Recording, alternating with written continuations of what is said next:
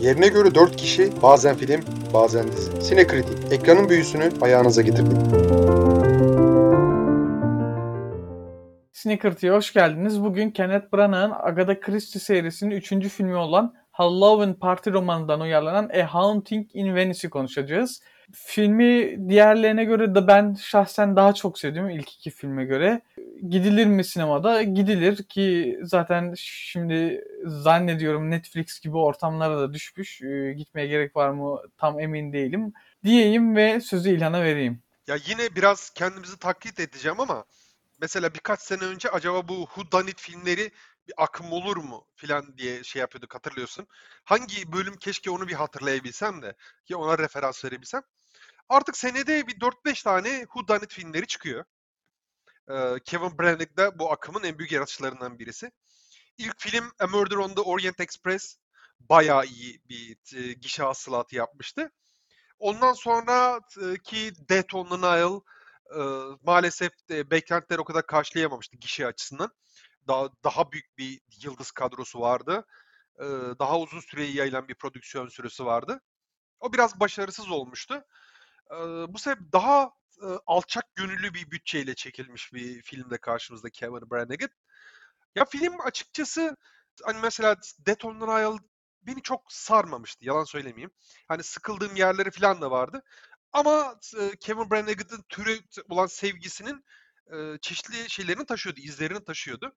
Onun için herhangi bir şey değil. Yani hani filmi yine de güzel ve iyi zaman geçiren bir eser olarak addedebilirim o yüzden. E, bunu izlediğimde ya tam olarak e, şey yapamıyorum. Ne olduğunu teşhis edemiyorum ama önceki iki filme göre biraz daha farklı gibi geldi bana.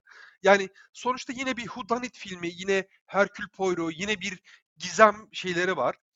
Yani tam olarak neyin bana çekici geldiğini şu an emin değilim yüzde yüz olarak. Ama daha farklı, daha taze ve daha heyecanlı bir şekilde geldi bu film.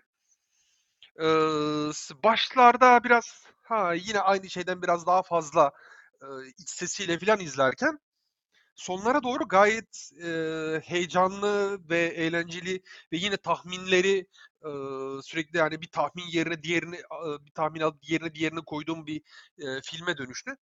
Ki zaten hani çoğu filmde az çok ben tahmin etmeye çalışıyorum da bu şeyleri.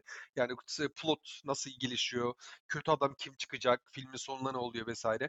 En azından ikinci perdeden itibaren tahminlerimi kendi içimde sıralamaya başlıyorum. Bazen daha da erken. Burada e, tutturabildim sayılır az çok neyin ne olduğunu. Ve eğlenceli bir filmdi açıkçası. Yani e, ya klasik formülün üzerine biraz daha eğlenceli, biraz daha otantik bir e, atmosferi eklemiş ve e, güzel bir film ortaya çıkarmış diyebiliriz. Evet. Ya sen başta e, podcast'ten önce pek katılmadın ama hafif bir Giallo etkisi vardı sanki filmde. Üstüne Perili Ev filmi etkisi var. Üstüne Whodunit yani bir üç e, türün bir karışımı gibi. E, yani hani neden sevdim diyordun işte sevmenin sebebi o üç türün karışımı ortaya güzel eğlenceli bir şey. Abi Giallo yüzünden olamaz ya. Giallo filmlerini izlemek bile bana kaşıntı veriyor. Kepek yapıyor bende. İşte belki de içten içe yani bilmiyorum. Ee, seveceğin tür, o türden de filmler vardır belki. Bilmiyorum. Katılmıyorsun sanıyorum ama neyse e, film Güzel ama senin dediğin gibi e, bütçe meselesi var. Bütçesi 60 milyon. Murder on the Orient Express'in 55 milyondu. Daha düşük bütçesi vardı. 350 milyon hasılat elde etmiş. Zaten e, bu türü hani şahlandıran film o oldu. Dead on the Nile 100 milyon bütçesiyle 137 milyon kazanmış. Ona rağmen A Venice çekildi. 60 milyon bütçesi var. 40 milyona yakın e, biraz 40 milyonu aşkın bir hasılatı var bildiğim kadarıyla şu anlık. Yani devamı gelir mi gelmez mi belli değil. E, ya açıkçası şu an tam bir box office failure değil ama hani e, büyük bir gişe canavarı filmler yokken en azından biraz hasılatı toplaması beklenir ya bu gibi filmlerden. Seyirciyi çekemedi salonlar. Şu an görünüş, görünüş o. Ama daha yeni yani hani neredeyse bir hafta falan oldu gösterime gireli. Ee, onun için konuşmak için erken. En azından bir 3-4 hafta daha kalır. ve e, azalan da olsa idare eden bir performans gösterip 100-120 milyon dolar bandına çıkartırsa az çok şey olabilir diye tahmin ediyorum. Yani hani e, kâra geçmiş olabilir. Çünkü zaten bu filmin gidişatı da az çok belli. Yani video on demand veya streaming platformlara kesinlikle yerleşecek yani. yani kesinlikle yerini alacak bu. Evet. Dediğin gibi. Onun dışında kadrosu ilk iki filme göre daha mütevazi bir kadrosu vardı. Ama e, görsel açıdan da yine ilk iki filmin önündeydi. Kesinlikle görsel açıdan daha şey. Yani sırf aradaki vendik manzaraları için bile izlenir film diyorum. Bilmem katılır mısın? Ya açıkçası ben e, kadroyu ilk duyduğumda Tina Fey ben çok severim. Thirty Rock benim herhalde en bayıldığım e, TV dizilerinden birisidir. Sen izlemiştin. Senin fikrin ne onunla ilgili? Onu ben bir sezon mu ne izlemiştim. Devam etmemiştim sonra. Ha okey.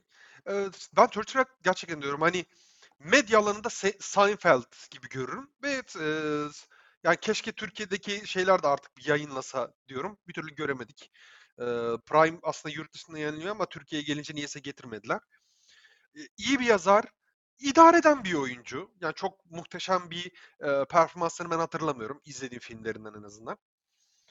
E, başrolleri paylaştığını görünce bir şaşırdım açıkçası. Ya acaba biraz daha komedik, biraz daha mizahi bir şey mi olacak filan. Öyle bir şey olmamış açıkçası. Hatta şöyle diyeyim, Indiana Jones and the Dial of Destiny'de e, Phoebe Waller-Bridge'in e, etkisine benzer bir etki yaratmış. E, yani hani hafif bir muzırlık da getirmiş filme. Biraz heyecan da getirmiş. Onun için e, iyi bir kast tercihi olmuş diyebiliriz açıkçası. E, kendisine verilen rolü de bence hakkıyla şey yapmış. İlk komedi dışı filmiymiş. Öyle yazıyordu. Aha, genelde genelde o şeyleri daha çok seviyor. Çünkü Saturday Night Live'dan çıkma birisi e, Tina Fey.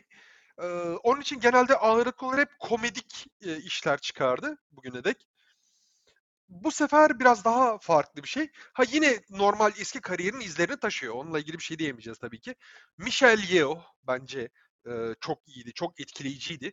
Yani sen onun hakkındaki fikirlerin nedir bilmiyorum. Everything Everywhere All at Once'ı da henüz izlemedin galiba Yok daha. izlemedim. Bence çok ikonik bir oyuncu ve yani hani filmde de gerçekten gösteriyor. Yani hani duruyor poz veriyor. Sadece kameraya poz verme e, hali bile çok etkileyici tamam mı? Ben gerçekten diyorum çok bayıldım. Bayağı ikonik, ne istediğini bilen, neyi yansıtmak istediğini bilen çok karizmatik bir e, şey, e, bir kadın oyuncu Michelle Yeoh. Ve filmde de bunu gösteriyor bence.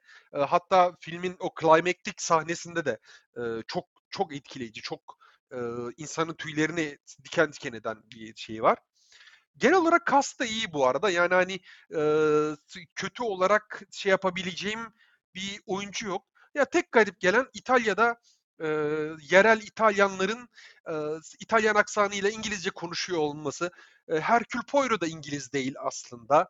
Yani yani orada ana dili İngilizce olan e, karakter bakı açısı bakımından e, şey Ariadne Oliver, e, Tina Fey'in oynadığı Amerikalı karakter. Geri kalanların çoğu Avrupa'nın çeşitli ülkelerinden etnik olarak. Ama okey yani hani filmin e, o kısmını çok fazla deşerek bir şey elde edebileceğimizi ben sanmıyorum. Onun için genel olarak oyunculuğu çok beğendiğimi söyleyip e, bu, bu kısmı kapatabiliriz bence. Evet. E, bunun dışında müzikler, müzikleri iyiydi. Hildur e, Knodottir bu İzlandalı kadın besteci yapmış. Bunun müziklerini bestelemiş. Kendisi işte Joker'in de müziklerini bestelemişti. Belki oradan hatırlayan olacaktır. Yapma sebebi ise annesinin e, Agatha Christie romanlarını çok sevmesiymiş. Ondan dolayı kabul etmiş müziklerini bestelemeyi. Müzikler iyiydi. Bilmiyorum sen ne dersin? Dikkat ettin mi bu sefer? Ya müzikler dikkatimi çekti. Ya en azından bu filmde biraz daha şey yapmaya çalıştım o kısımlar. Ya son zamanlarda en azından o kısımlara daha fazla dikkat etmeye. Yani hani filmin atmosferini destekliyor mu veya nasıl derler uyumlu mu? Burada güzeldi. Melodileri falan sevdim genellikle.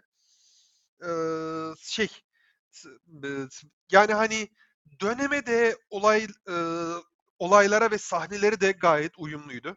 Ee, onun için e, yani hani filmin bence iyi taraflarından birisi olarak alabiliriz bunu. Evet.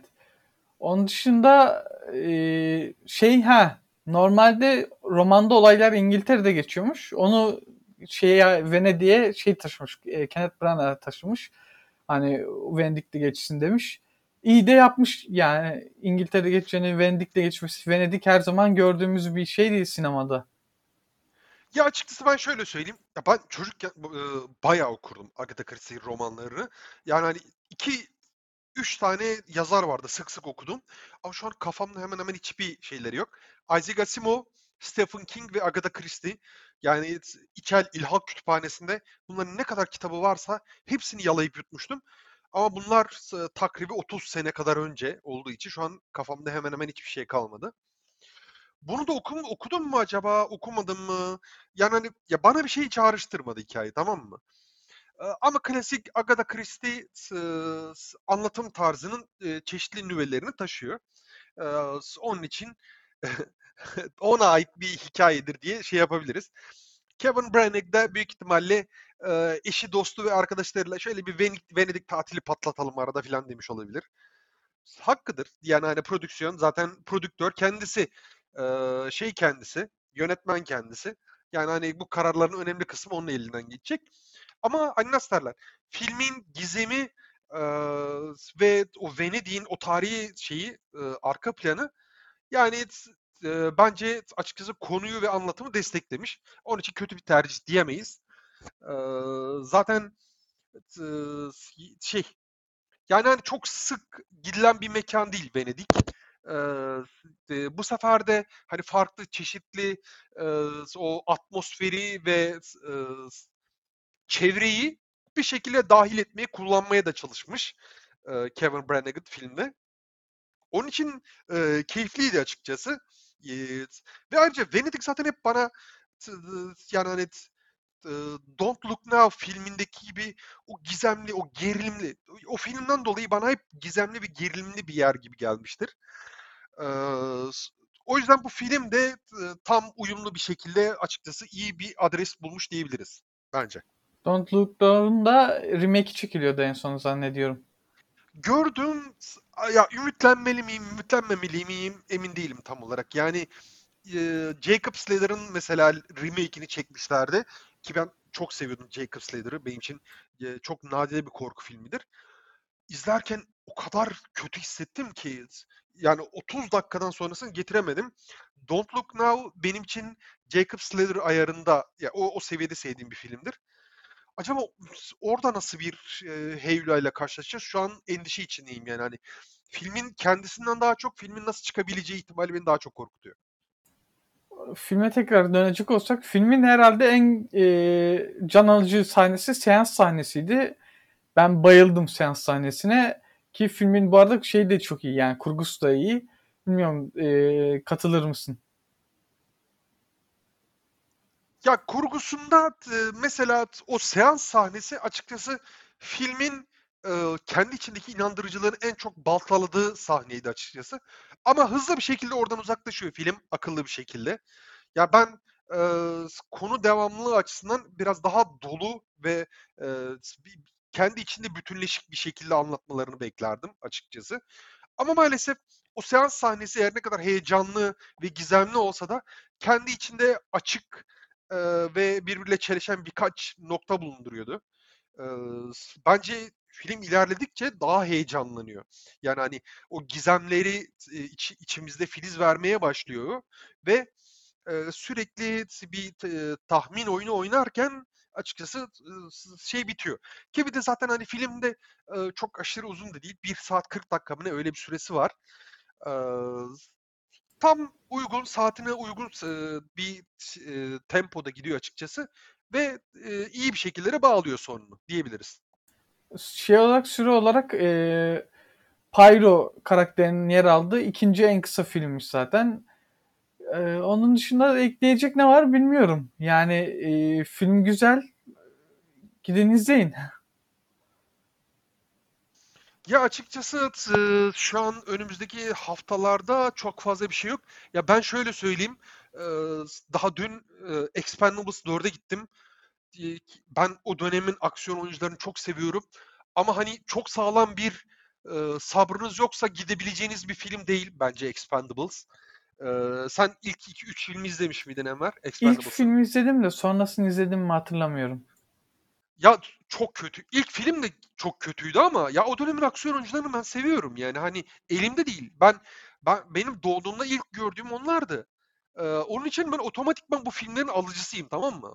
Ama ya Expendables 4'e film demeyi hakikaten e, bin şahit ister. Ee, şu an e, piyasada dolanan iki tane düzgün film var gibi. Ee, ya aslında Teenage Mutant Ninja Turtle'ı izleyecekseniz de onun da henüz e, daha gösterim süresi devam ediyor. Ee, ama yavaş yavaş bitmek üzeredir diye tahmin ediyorum. S- yani Talk to Me var. Bir de e, A Haunting in Venice var şu an. Düzgün film olarak izlenebilecek.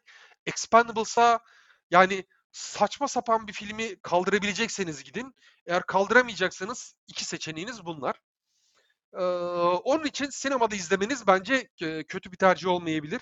Ee, biraz bunlara şey yapın. Ve bir iki hafta daha vizyonda çok hareketli bir şey ben göremiyorum. Sen görebiliyor musun? Yok, vizyonda bir boşluk var. Zaten filmler ertelenip duruyor. Düğünü de ertelediler zaten. Ki ben Düğün'ün romanına başlamıştım yani. Film zamanına kadar Ben hala diye. hala başlamadım ha. Ben daha ilk bak ben şey demiştim. İlk film ilk film bitirip podcast'ini çekmeden ben bu romanı yalayıp yutacağım. Yorumlarına da bakacağım. Arka planına da bakacağım. Peki bunların hangisini yaptım? Hiçbirini. Hiçbirisini. Ha. Hiçbirisini yapmadım. Kitaplar hala duruyor. Bakış şu an e, bakış açımda şu an tam olarak kesişiyoruz kendisiyle. Ee, içinden bir şeyler söylüyor olabilir. Ee, hakkıdır. Onunla ilgili bir şey yapamayacağım maalesef. Ee, ya bekliyoruz açıkçası ama hani bir süre kuraklığı, e, vizyon kuraklığını da göz önünde bulundurun. Canınız film çekiyorsa gideceğin, gidecekseniz gidin yani. Hani bu ikisinden birisini en azından. Ee, ben tavsiye edebilirim. Ee, ya belki Christmas dönemine doğru biraz hareketlenme olur. Ama ya bir iki ay boyunca ya ben şu an önümüzdeki ay, haftaları şeylerine bakmadım tam olarak da. Bir Nuri Bilge Ceylan'ın mesela filmi bekleniyor. Onun haricinde benim beklediğim veya ilgimi çeken bir şey şu an internetten de bakmaya üşeniyorum açıkçası. Pek bilmiyorum. Ee, bu filmleri izlediniz izlediniz, izlemediniz. Ee, streaming platformuna kaldınız. Şu, şu an ilgimi çeken şeylerden birisi No One Will Save You Disney Plus'ta. Ben beğendim açıkçası. İyi bir şey. Guillermo del Toro bayağı övmüş bugün görünce. Kendisiyle aynı fikirde olduğumu şey yaptım.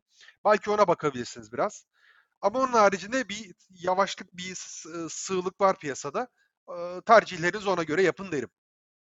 Evet, öyleyse bu haftalık bizden bu kadar. Haftaya görüşmek üzere. Haftaya Talk to Me ile karşınızdayız Evet. sevgili dinleyicilerimiz. Kendinize iyi bakınız. Görüşürüz. Hoşçakalın. Görüşürüz.